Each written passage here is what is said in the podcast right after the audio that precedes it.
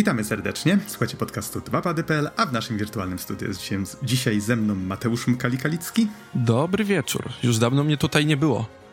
Dokładnie, ja też od tak dawna już nie nagrywałem, że myślałem, że wyjdę z wprawy za chwilę.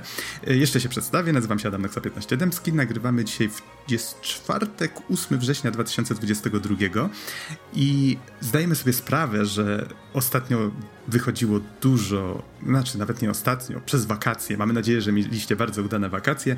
I zdajemy sobie sprawę, że wyszło kilka gier, o których no, potencjalnie mogliśmy wspomnieć, jak Xenoblade Chronicles 3, jak e, chociażby ostatnio Soul Hackers 2, e, więc tak, było kilka gier, które prawdopodobnie, o których na pewno e, moglibyśmy nagrać odcinek. Czy to zrobimy? Zobaczymy. E, wiecie, jak to bywa e, z naszym rozkładem jazdy, że tak powiem, ale jeżeli się okaże, że któraś z tych gier ostatecznie nie dostanie całego swojego odcinka, to prawdopodobnie pojawią się e, o nich wzmianki jeszcze na podsumowaniu roku, więc nic straconego. Niby sezon, natomiast... niby sezon ogórkowy, a tak naprawdę nie. Było, co, było cały czas co grać. Tak, rzucamy troszeczkę takich odcinków też, e, nie zdziwcie się proszę, e, które nagraliśmy, dajmy na to dwa lata temu. To był okres, kiedy żeśmy dopiero zaczynali dodawać filmiki na YouTube do każdego naszego odcinka. I był taki okres, gdzie kilka odcinków gdzieś tam wpadło w takie limbo w tej naszej szafie z nagraniami, bo po prostu nikt nie nagrał do nich nigdy gameplayu. Nie jest tych recenzji wcale tak dużo. Stasis i Kane już się ukazały, może pojawią się chyba jeszcze dwie, mamy bodajże takie. Mamy w planach kilka, kilka różnych ciekawostek, więc, więc zobaczymy jak one wyjdą. Piszcie komentarze, czy to na YouTube, czy na Twitterze się z nami kontaktujcie, czy na Facebooku naszym. E, dajcie nam znać właśnie, czy, czy wolicie te dłuższe recenzje, czy może wolelibyście, żebyśmy mówili mówili o grach krócej, ale żebyśmy faktycznie dużo więcej ich omawiali. To na, taka informacja na pewno nam się w przyszłości przyda.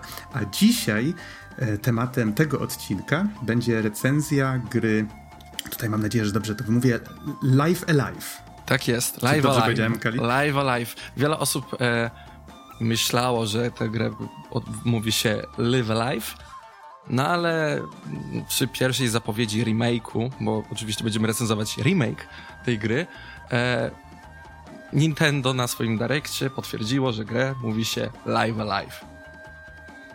Hmm, Okej, okay. no jest to taka dziwaczna składanka językowa, no bo teoretycznie nie jest to live przez F, Wtedy mogłoby to być żyj życie, albo. Znaczy, domyślam się, że to można interpretować jak się chce, że to jest celowo trochę takie zagmatwane. Zresztą gra jest japońska, więc. Um, no, Japończycy też lubią się bawić tymi nazwami. A jeszcze teraz, właśnie, jak żeśmy rozmawiali o tym przed nagrywaniem, to zwróciłem uwagę, że to jest w sumie alive, też jest w sumie osobnym e, słowem. A jak się spojrzy na logo gry, to widać, że jest to lustrzane odbicie. Jest e, live, E i Evil. E-V-I-L, czyli live pisane od tyłu. Więc, no właśnie, można tutaj się dopatrywać różnych dziwnych rzeczy. Ja sam w grę nie grałem. Mkali powiedz właśnie, od czego chciałbyś zacząć? Czy jakieś encyklopedyczne informacje? Mam eee... nadzieję, że dowiemy się, czy warto w Live Alive zagrać. Jak nagrywamy recenzję, to ja zazwyczaj e, polecam gry. Ale e, tak mówiąc, e, Live Alive oryginalnie wyszło na Super Nintendo 2 września 1994 roku, a teraz otrzymaliśmy po ponad 20 latach tak? Dobrze 28 lat 20... czekaliśmy na zachodnią premierę, długo, nie? Tak, 28 lat na zachodnią premierę, 22 e, lipca. E, remake wyszedł ekskluzywnie na konsolę Nintendo Switch. I producentem jest Square Enix, a remake'iem zajmowało się również e, wewnętrzne studio Square Enix razem z deweloperem Historia. Śmiesznie nazywa się Historia, tak u nas. Tak polsko, swojsko. No i gra jest dostępna pudełkowo oraz cyfrowo. Więc e, jeżeli ktoś jest fanem pudełeczek, to może dorwać bardzo ładne pudełeczko. Mhm. I to, co mnie zainteresowało, jak czytałem tam pierwsze wstępne paragrafy na Wikipedii, to to, że przy grze pracowały dość znane osoby, które miały też spory wkład w wiele innych znanych tytułów tej firmy. Tak, e, ogólnie proces developingu Live Alive to jest bardzo ciekawa sprawa, ponieważ e, Tą grą zajmowały się legendy, obec, obecne legendy branży. E, może na przykład niektórzy nie kojarzą imienia i nazwiska Takashi Tokita, ale to jest osoba, która wyprodukowała, była producerem słynnego Chrono Triggera. To jest Chrono Trigger to jest w zasadzie legenda branży, a nie do, dodatkowo stworzy takie gry jak dla Square Enix, takie jak Parasite, Parasite Eve, nie wiem, czy przypadkowo nie była ta gra recenzowana na pod, łamach podcastu, nie pamiętam. Tak, sam ją recenzowałem. A, dobrze, Więc dobrze. Odsyłam do naszych starszych odcinków. Tak. To było w grudniu któregoś roku. Mhm. I chociażby takie gry jak Chocobo Racing, więc i wiele innych projektów e, Square, e, Square Enix, między innymi gry z e, Final Fantasy. E, dodatkowo, oprócz tego słynnego producera, muzyką zajmowała się Yoko Shimomura, która robiła muzykę chociażby do Street Fightera 2, Kingdom, serii Kingdom Hearts, Final Fantasy XV, a Live Alive to był jej pierwszy poważny projekt growy, więc tutaj ona w zasadzie to był taki growy, taki wielki growy debiut jej e, w kompozy... E, w tworzeniu muzyki. Z tego co pamiętam, pierwsze Front Mission też ma muzykę od niej, więc tak, w tamtym okresie faktycznie tworzyła do wielu różnych gier firmy. No teraz jest chyba głównie znana właśnie z serii Kingdom Hearts. A ta, taka właśnie rzecz, która mnie zastanawia, ale to może za chwilę zapytam. E, chciałem zwrócić uwagę na jedną rzecz, mianowicie to, że Chrono Trigger powstał jakby zaraz po Live Alive. I jeżeli się nie mylę, obie gry są dość mocno powiązane pewnymi motywami. JRPG, podróże w czasie. tak, tak, tak, tak. Chyba, chyba e, Square w tamtym czasie bardzo lubiło w ogóle ten... E... Albo właśnie Takashi Tokita być może bardzo lubił ten, ten, e, ten temat, bo on w, z tego co widzę właśnie na jego z kolei stronie na Wikipedii, on był odpowiedzialny za, był reżyserem obu tych gier i napisał do nich scenariusz, więc domyślam się, że to może, może po prostu jego fascynacja e, tym możliwe, zaowocowała. Możliwe, nie, e, e, przyznam, że Chrono Trigger to jedna z moich ulubionych gier wszechczasów e, i Live Alive dołącza do top 10 e, ulubionych gier wszechczasów po tym, jak przeszedłem. E, kończymy recenzję, dziękuję, ale... Okej, okay, to, to, w takim razie ale, ale to, to, jedno pytanie, które zostawiłem tak. na, na później, czyli powiedz mi, czy, czy wiesz może jaki był problem z tym, że ta gra tak długo czekała na zachodnią premierę? Właśnie, e, chciałbym przejść właśnie do tego ciekawego procesu developingu, bo to właśnie problem, dlaczego ta gra nie wyszła w tamtym czasie, latach 90. u nas, łączy się właśnie z developingiem i tworzeniem tej gry, ponieważ e, oryginał, no oryginał, Live Alive e, było tworzone w taki specjalny sposób, że Takashi Tokita, właśnie producer, wziął 7 albo czy 8 różnych teamów.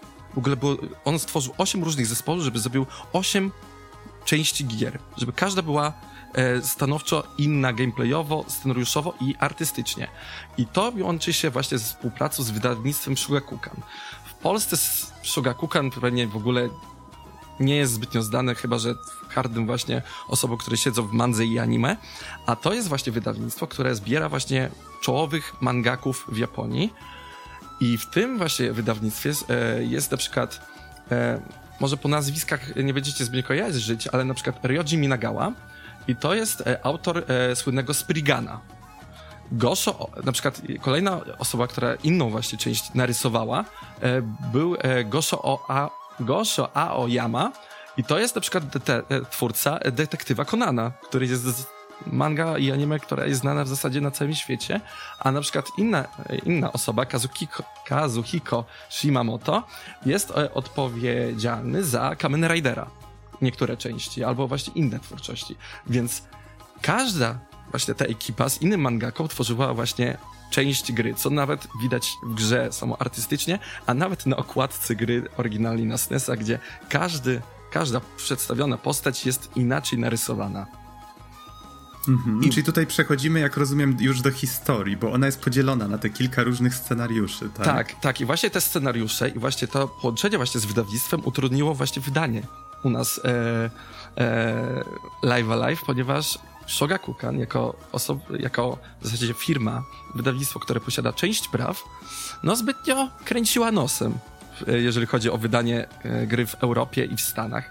Ponadto to był moment, kiedy Square Enix wydało chyba miesiąc później Final Fantasy VI, które u nas było hitem, przyćmiło całkowicie Live Alive'a trochę w Japonii, a w szczególności mm, no całkowicie zmiotło e, e, lokalizację Live Live'a y, dla nas.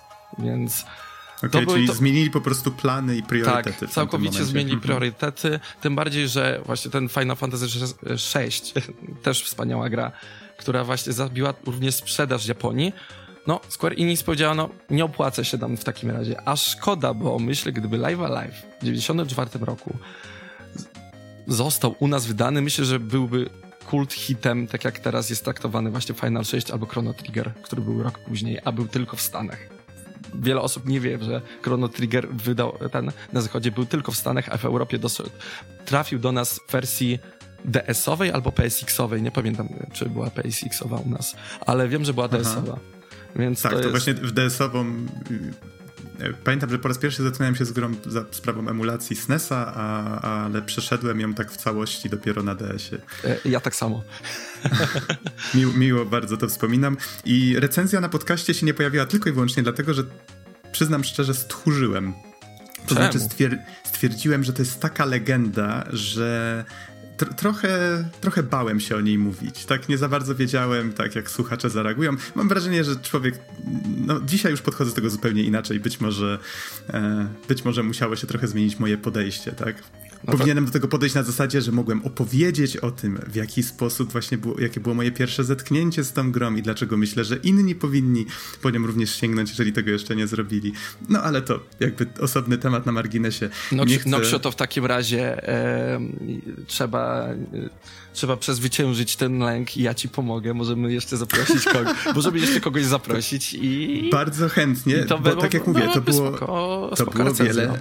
To było wiele lat temu, więc wiesz, podcast istnieje już ponad 10 lat, więc no trochę, trochę czasu minęło. No, ale tak a propos, żyjmy tym naszym życiem, podcastujmy i weź mi powiedz, o co w takim razie chodzi w fabule, czy w fabułach właściwie e, Live Alive. Ogólnie Live Alive jest podzielony na 7 różnych chapterów, które dzieją się w różnym, różnych epokach czasowych i w każdym chapterze mamy innego protagonistę i to jest bardzo fajne, ponieważ przy przejściu Live Alive czułem się jakbym przeszedł 7 różnych gier. Więc, ponie, e, więc to jest naprawdę ciekawe doświadczenie, może moim zdaniem, w, growych, e, w grach komputerowych, bo nie kojarzę zbytnio innej gry, gdzie co chapter masz kogoś innego i w ogóle zmienia się całkowicie również gameplay oraz narracja. E, Myślę, że coś by się znalazło, ale nic mi na, w tej chwili nie przychodzi Właśnie do głowy. Też, tak może, może Octopath Traveler, którego nie grałem, bo tam też są różni bohaterowie, może, może mm -hmm. myślę, że może ta gra jakoś w ten sposób czerpie, ale chyba ale nie mówisz, jest... że to nie chodzi tylko o fabułę, tylko chodzi nawet o wygląd... Yy tak, jest i gameplayu, tak? Tak, również artystycznie i również gameplayowo. Zaraz po skrócie e, opowiem e, te 7 chapterów. Oczywiście e, recenzja jest spoiler free, nie będę wchodził w szczegóły. Jeżeli Nox będziesz chciał coś powiedzieć, to powiem ci hold up spokojnie, więc słuchacze spokojnie.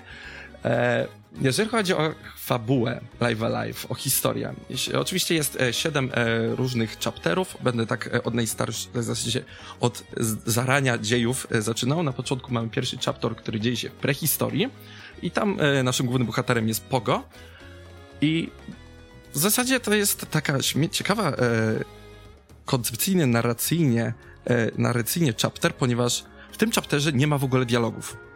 To jest chapter, który dzieje się w prehistorii i każdy bohater e, posługuje się poprzez e, w zasadzie ikony. U nas, ale to, u nas pokazuje ikony, ale to właśnie gestykulacja głównych bohaterów. Na przykład e, ktoś tam krzyczy, że właśnie e, splata ręce, że u serduszko, kocham cię, albo właśnie o, zły, jestem zły, e, do, dopadnijcie tego przeciwnika. I to wszystko, cała, cała historia jest pokazana właśnie przez zwykłe ikonki. I cała e, fabuła polega na tym, że właśnie musimy uratować dziewczynę z innego obozu. A dlaczego? E, która jest oczywiście ścigana przez ten obóz, ale dlaczego? Po co? Nie powiem więcej. I to jest właśnie fajne, ponieważ e, e, sama, cała, ten, e, cała ta historia, mimo tych wszystkich ikonek, jest fajnie przedstawiona. W ogóle jest tak oryginalnie. Czuć, mimo że to jest gra z lat 90., to było coś dla mnie bardzo świeżego. Ojejciu. Mhm. No, e... pomysł, pomysł brzmi, brzmi dość ciekawie. I e, rozumiem, że kolejny, kolejne scenariusze rzucają nas w zupełnie inne okresy czasowe, tak? Tak, e, i oczywiście kolejne scenariusze już mają pełny voice acting. I to są całkowicie inne scenariusze. Na przykład następny scenariusz to jest, dzieje się w starożytnych Chinach gdzie jest, wcielamy się w Kung Fu Mastera, Shifu, tak zwanego. I, i mistrza kung fu. Mistrza kung fu, po tak, mistrz, mistrza kung fu. I w jego historii jest, musimy zna, ten, zdobyć następcę, ponieważ już jest oczywiście starszy i e, no, musi, musi znaleźć swoją, jego następcę, żeby przekazać swoje wszystkie, całą wiedzę na temat kung fu, żeby kung fu nadal żyło. Co będzie dalej, nie powiem dalej. e, trzecia, e, trzeci chapter dzieje się właśnie też właśnie tak Twilight of Edo Japan, e, właśnie e, niewiele później, e, chyba starożytny, może, tak, może trochę później e, Japonia, oczywiście, i wcielamy się tam w ninja Obor Oboromaru, który został wysłany przez swojego mistrza na misję, aby uratować bardzo, e, bardzo e, ważną personę w kwestiach, kwestiach politycznych, ponieważ ta, ta persona jest uwięziona e, pewnym zamku, w zasadzie takim, no, takim wiosce, zamku, jak to w Japonii. No to właściwie z tego, co widziałem w demku, bo gra ma demko. Każdy może sobie spokojnie darmo pobrać i zagrać w trzy z tych scenariuszów. Jednym z nich jest właśnie ten w Japonii. Wydaje mi się, że to jednak jest zamek. Chyba można to tak Chyba, tak, chyba, chyba nazwa to za, zamek. I mhm.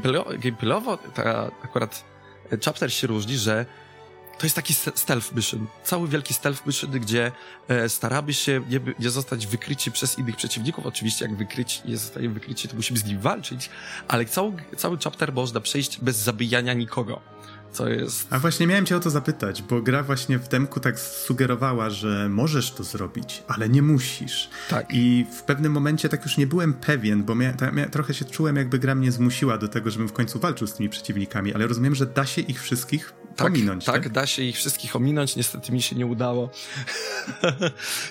Więc e, i dosłownie minimalnie przegra- ten, w tym przypadku przegrałem, ale i oczywiście to wpływa na ending tego chaptera, E, co się dzieje później dalej, nie powiem. E, czwarty chapter, jeden z moich ulubionych, e, Dziki Zachód. I w tym przypadku mamy taki totalny spaghetti western, gdzie gramy jako, gdzie wcielamy się w Sundown Kida. I naszym zadaniem jest ogólnie, historia polega na tym, że trafiamy w ogóle do pewnego, pewnej też właśnie miasteczka, które zostało zgrasowane przez bandytów. I e, mieszkańcy Mm, proszą nas i naszego w zasadzie rywala, którego spotykamy, Mad Doga, e, o ratowanie w ogóle tego miasteczka. No i naszym zadaniem jest pokonanie właśnie tych e, zbójców złych. Piąty bandytów. Bandytów. Zbójców, bandytów e, pasuje. Piąty chapter, jeden to jest w ogóle takie moje zaskoczenie. E, niedaleko, e, nie, e, nie, e, szósty to był. Piąty teraz. E, The Strongest, czyli e, który dzieje się w obecnych czasach I tutaj wcielamy się w Masaru Takahare, który chce zostać najsilniejszym człowiekiem na świecie. No i oczywiście trenując, trenuje i postanawia, że weźmie udział w, w turnieju sztuk walki. E, I w tym, na tym turnieju e, po prostu walczy z innymi przeciwnikami i uczy się od nich technik fun fact, w tym chapterze nie ma w ogóle e, miejsc e, na takie zwiedzanie overworldowe, jak to jest bywa w JRPG, gdzie zwiedzamy miasteczko. Tutaj tego nie ma nic. Po prostu mamy planszę jak ze Street Fightera albo z Tekkena i wybieramy przeciwnika. I na tym polega ten chapter. Pokonać wszystkich przeciwników. Też jest bardzo fajne, to, ale to jest był najkrótszy chapter i ten, ten dla mnie akurat był najsłabszy w całej grze ale znam osoby, które właśnie mówią, że jest najlepszy. E, szósty chapter e, to dzieje się w niedalekiej przyszłości e, i tam wcielamy się w Akirę i to e, Akira e, e, to jest osoba, która posiada nadludzkie zdolności, ponieważ umie czytać w myślach innych ludzi. I wykorzystuje to właśnie to, tą swoją zdolność, żeby uratować sieroty, sierocica, którego prowadzi razem z siostrą, przed e, biker gangiem, przed, przed kartelem, gangiem e, motocyklistów, który porywa właśnie dzieci i innych właśnie osoby z miasta i są często osoby zaginione i próbuje ich odnaleźć i co się dzieje w ogóle. się okazuje, że to później bardzo poważnie e, jest związane z mechami. A... Okej, okay, właśnie miałem zacząć zadawać takie niewygodne pytania, czyli y, najpierw mówiłeś o zmianie jakby okresów czasowych, a potem skupiłeś się bardziej na postaciach. Y, czy dotarliśmy już w pewnym momencie do jakichś bardziej współczesnych realiów, czy tak, jeszcze nie? Y, y, poprzedni właśnie ten z Fighterem było, to były współczesne re realia. To jest takie niedaleka przyszłość, to jest właśnie takie jakby było za 100 okay. lat.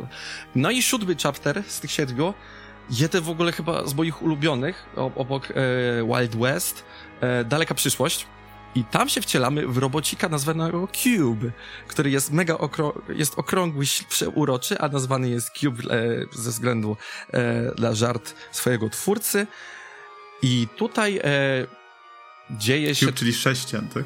Taki sześcian. E, I to jest bardzo ciekawy, e, ponieważ trafiamy do statku zwanego Cogito Ergo Sum, E, który przewozi Bahamuta, potwora na ziemię, bo to jest taki transportowiec i ten robot e, musi sprawdzić, co się dzieje właśnie z tym statkiem, ponieważ e, osoby, które właśnie pracują na tym statku, właśnie ci wszyscy inni bohaterowie, wpadają w szał, w ogóle zaczynają właśnie panikować przed sobą, ponieważ coś się stało, ktoś zginął, coś się dzieje. I naszym zadaniem jest w ogóle sprawdzić to wszystko. I fun fact gameplayowy. W dalekiej przyszłości nie ma w ogóle walki. To jest też ciekawe. To jest cały chapter, który przechodzimy, rozwiązujemy zagadki, ale nie walczymy. Prawie. Nie walczymy, ale przez całą grę praktycznie, przez cały chapter nie walczymy. To jest bardzo ciekawe. Ogólnie fun fact, co do gameplayowy, co do każdego chaptera. W JRPG-ach ogólnie jest, przyjęło się tak, coś takiego, że grindujemy, biegamy właśnie, pokonujemy tych swoich, pokonujemy przeciwników. Tutaj w grze każda walka jest fabularyzowana. Nie ma random encounterów. Każda walka ma związek z fabułą, co jest bardzo ciekawe według mnie, że to jest, było wykorzystywane w latach 90 ponieważ... Nie, wiedzia nie, nie, wiedziałem, że to powiem, ale wydaje mi się, że być może są osoby, które nie wiedzą, czym jest Random Encounter, bo już mam o wrażenie, nie. że tak się od odeszło o się nie. od tego mocno. E, powiedzmy tak, w tych starych JRPG-ach, jak się po prostu idzie przed siebie, w pewnym, w każdym momencie właściwie ma się szansę, że po prostu pyk, ekran się zaświeci i się pojawi walka. To jest właśnie Random Encounter. Strasznie tego nie lubię. I mam wrażenie, że wiele osób też, dlatego w pewnym momencie zaczęto od tego odchodzić.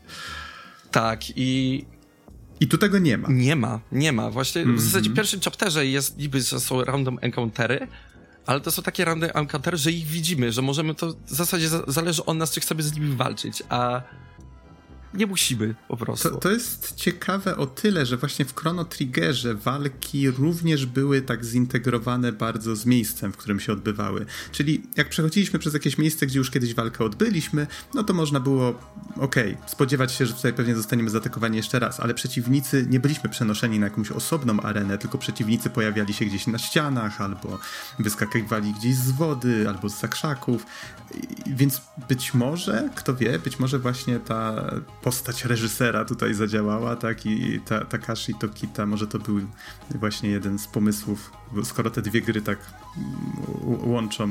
Tak, tak. Takie A pomysły. Dobrze, że właśnie przeszliśmy powolutku do właśnie do walki, ale zanim powiem, e, każdy chapter to jest tak zwany jakiś homaż do różnych książek albo medium filmowego. Na przykład Wild West to, to, to jest klasyka spaghetti westernów e, Distant Future, czyli ta daleka przyszłość, to jest wielki homaż dla Aliena. Jeżeli ktoś oglądał Właśnie, Aliena, to jak jest... tylko powiedziałeś o tym, że przewożą tym statkiem jakiegoś groźnego potwora, to od razu pomyślałem jeżeli, o jeżeli, jeżeli ktoś oglądał Aliena, to może się spodziewać czego, co tutaj może się dziać później, ale jest, są ogromne twisty, że miałem takie what the fuck is going on? E, na przykład e, o e, chapter e, prehistoria, prehistoryczne Chiny, e, przepraszam, prehistoryczne, starożytne Chiny. Prehistoryczne Chiny. No. z kung fu to jest właśnie, no, każdy właśnie film e, karate, kung fu, gdzie właśnie mistrz uczy ucznia, nie wiem, pijany mistrz kojarzy mi się chociażby, albo z Bruce'em Lee różne filmy. Naprawdę. A, a, a na przykład niedaleka przyszłość to jest e, wielki homaż do Akiry jeżeli ktoś oglądał w sensie anime Akira. Anime, tak? Anime Akira, Akira. Mhm. więc wow, po prostu wow moim zdaniem. jest bardzo dużo fajnych e, nawiązań. Na przykład e, je, jeden z, to nie jest w ogóle taki spoiler, to jest właśnie taki fajny lokalizacyjny. E, zrobili lokalizację w ogóle u nas, e, że tego nie było wcześniej e, w fanowskim tłumaczeniu, że główny bohater krzyczy Great Scott! Co było nawi czystym nawiązaniem do Back to the Future, a sam e, doktorek wygląda właśnie jak e, e, doktor e, Brown z Back to the Future, z powrotu do przyszłości, więc mega okay. fajne, szanuję bardzo fajne takie, takie e, mrugnięcie okiem do, dla gracza, jeżeli zda mniej więcej e, filmy z lat 90., 80. Mhm. Okej, okay, ale tak jak mówiłeś, to każdy z tych scenariuszy był tworzony przez inną ekipę. Tak, tak. tak. I, I, widać to również art stylu, właśnie jak te postacie Aha. są narysowane. No, to wow, ciekawe, że to no. w ogóle udało się to jakoś dopiąć i dokończyć. Natomiast domyślam się, nie musisz odpowiadać, bo ja w grę nie grałem, więc domyślam się, że później w jakiś sposób te historie się łączą. Tak, tak ale Lub tutaj nie? już wchodzimy w heavy spoilery i nie będę okay. więcej nic mówił. Okay. W tym przypadku myślę, że jeżeli ktoś będzie zainteresowany, żeby w to zagrać, zagra i polecam okay. zagrać. Czyli nie, nie jest, to po prostu, nie jest to po prostu losowy y, zbiór historyjek, to tak, do czegoś tam dąży. Tak, okay. tak, to, to tak. jest fajne. Wydaje mi, się, wydaje mi się, że to jest bardzo ważna informacja.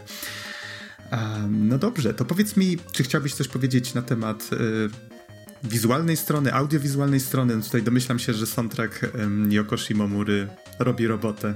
E, tak, tak, muzyka jest fantastyczna, naprawdę. naprawdę, wszystkie, całe, na przykład Wild West to to soundtrack jakbym, nie wiem, słyszał Red Dead Redemption. E, e, muzyka właśnie z Distant... Nie, Yoko Shimomura mimo takiej różnorodności naprawdę podołała w tym przypadku. Ale to jest ciocia Yoko. Ciocia Yoko zawsze daje radę. Okej. Okay.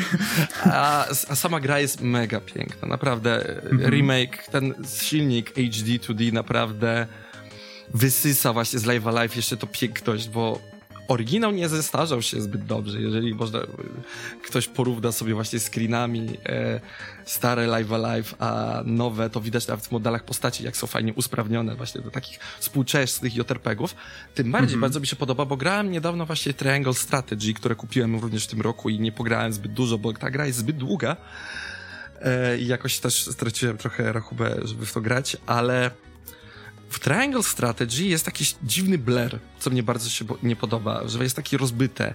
Tutaj Mhm. Tutaj piksele są ostre jak brzytwa, moim zdaniem. Są naprawdę wyrafinowane i ta, i ta, e, ten dobór kolorów w ogóle, tych wszystkich lokalizacjach jest naprawdę bardzo dobrze zbalansowane, że jak są te Wild Westy, to jest to naprawdę tak żółto pomarańczowe. w, w lokacjach, tak, lokacjach w lokalizacjach. Tak, tak. Mhm.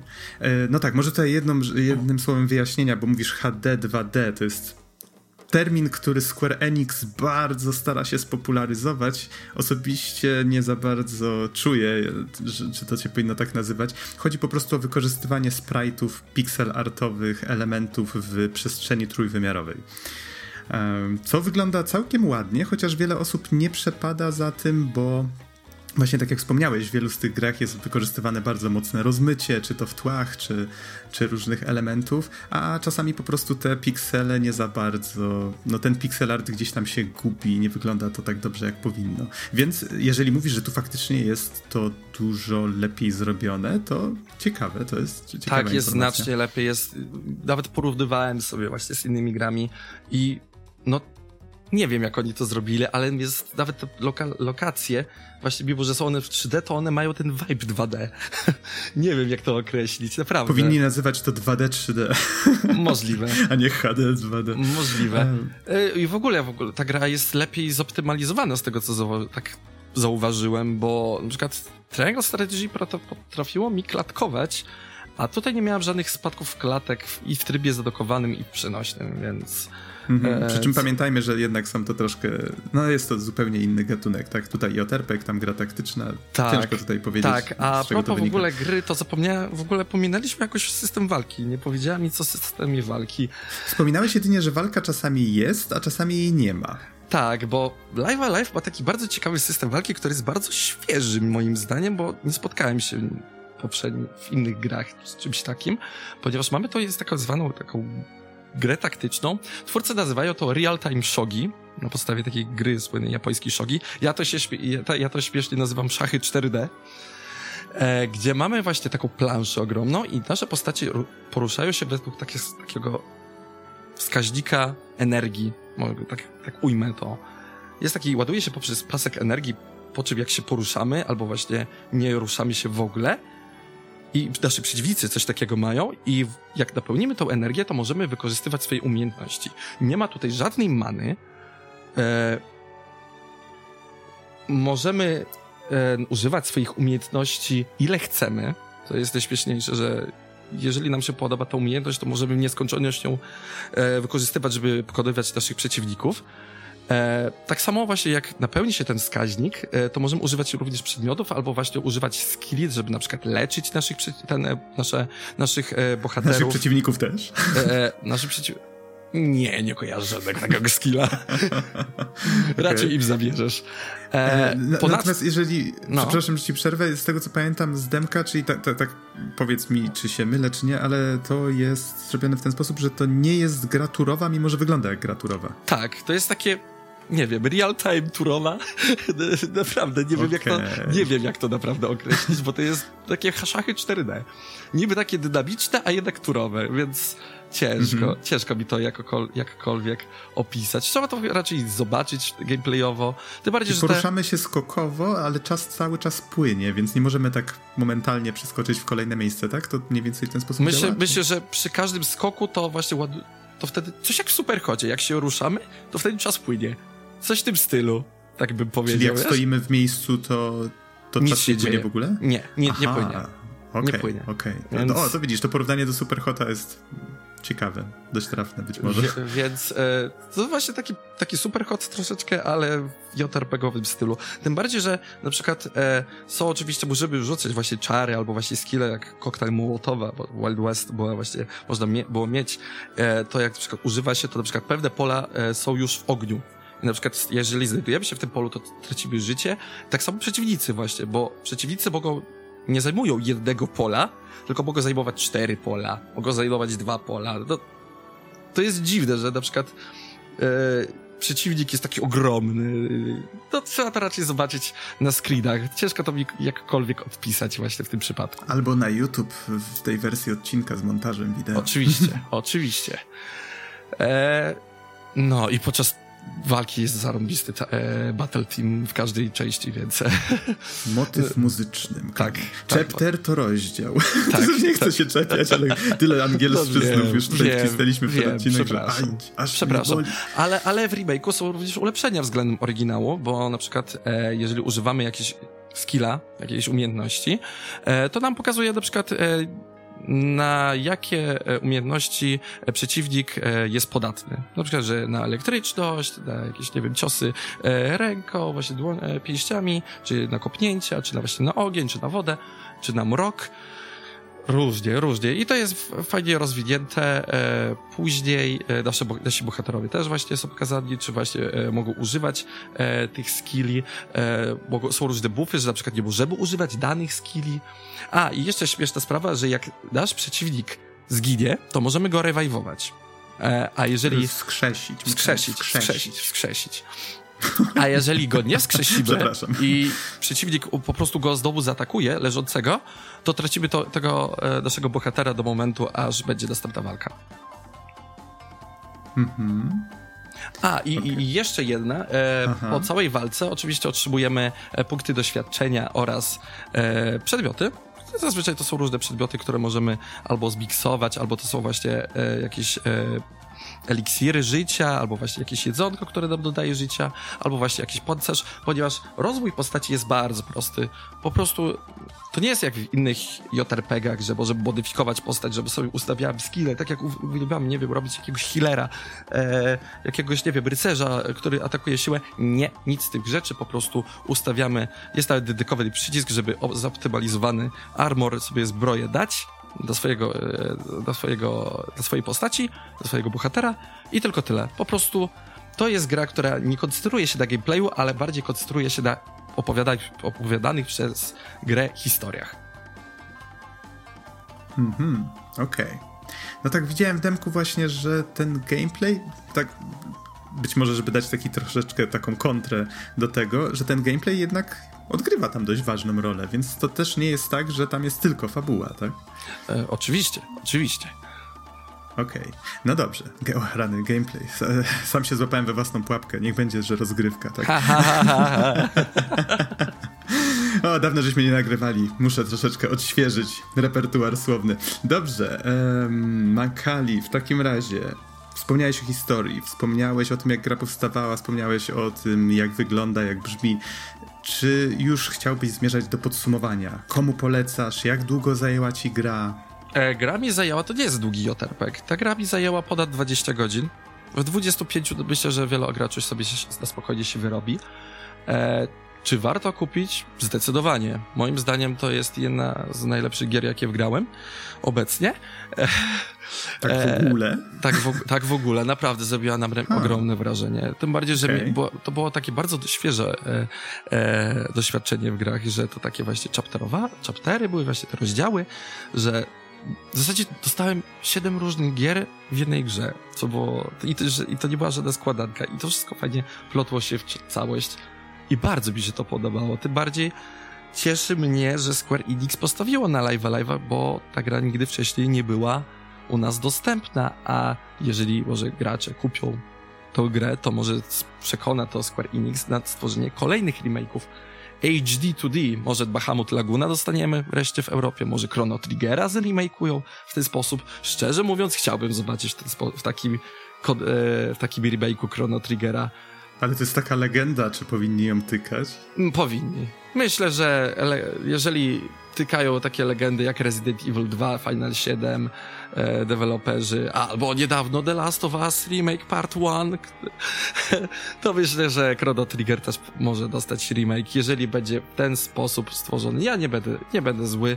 Jeżeli, to, bardziej, to że... mi jedną rzecz. Czy w takim razie możemy skończyć tę recenzję myślą, że ze względu na to, że Life Alive powstało, czy zostało wydane raptem rok przed Chrono Triggerem, jeżeli a, dobrze widzę, tak, chyba tak, 1,94, 1,95, to czy można powiedzieć ze względu na tą wspólną postać reżysera, że Life Alive musiało chodzić, żeby Chrono Trigger mógł biegać? Czy się tak. z tym nie zgodzisz? I, myśl, I myślę, że nie tylko Chrono Trigger, myślę, że bardzo, współczesne gry JRPG, e, chociażby Final Fantasy, myślę, że Life Alive nawet miało taki no, impact na całą branżę gamingową e, w Japonii, a my tego nie dostrzegaliśmy chyba przez te wszystkie lata.